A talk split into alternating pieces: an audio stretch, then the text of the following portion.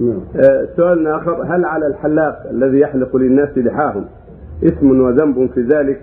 وإذا كان مصدر رزقه هو الحلاقة فما حكم المال الذي يأخذه؟ هل هو حرام؟ سمعتم أن حلق اللحيه حرام وأن اللحيه ما نبت على الخدين والذقن ما تحت العظم الذي يحاذي سماخ الأذن هذا حد اللحية. ما فوقه إلى الرأس وما تحته من اللحية. فاللحية ما نبت على الخدين والذقن هو اللحية. فالذي يحلق هذا للناس أو يقصه للناس آثم وعليه نصيبه من الوزر وما يأخذه سحت من المال. والأجرة حرام منكر.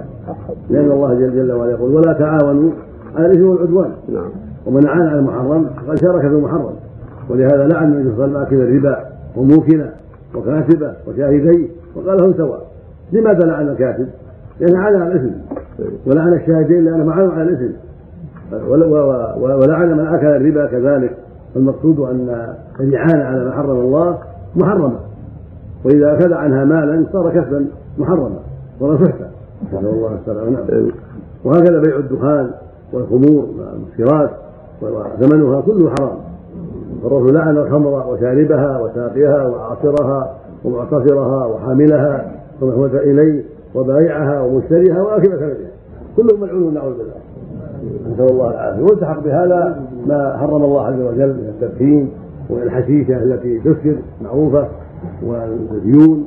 كل ما هو مسكر كله داخل في التحريم.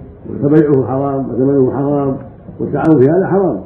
وهكذا حلق اللحى حرام واخذ الثمن عليها الأجرة عليها حرام وباذلها قد فعل محرما وآخذها فعل محرما ولا حول ولا قوة إلا بالله. نعم.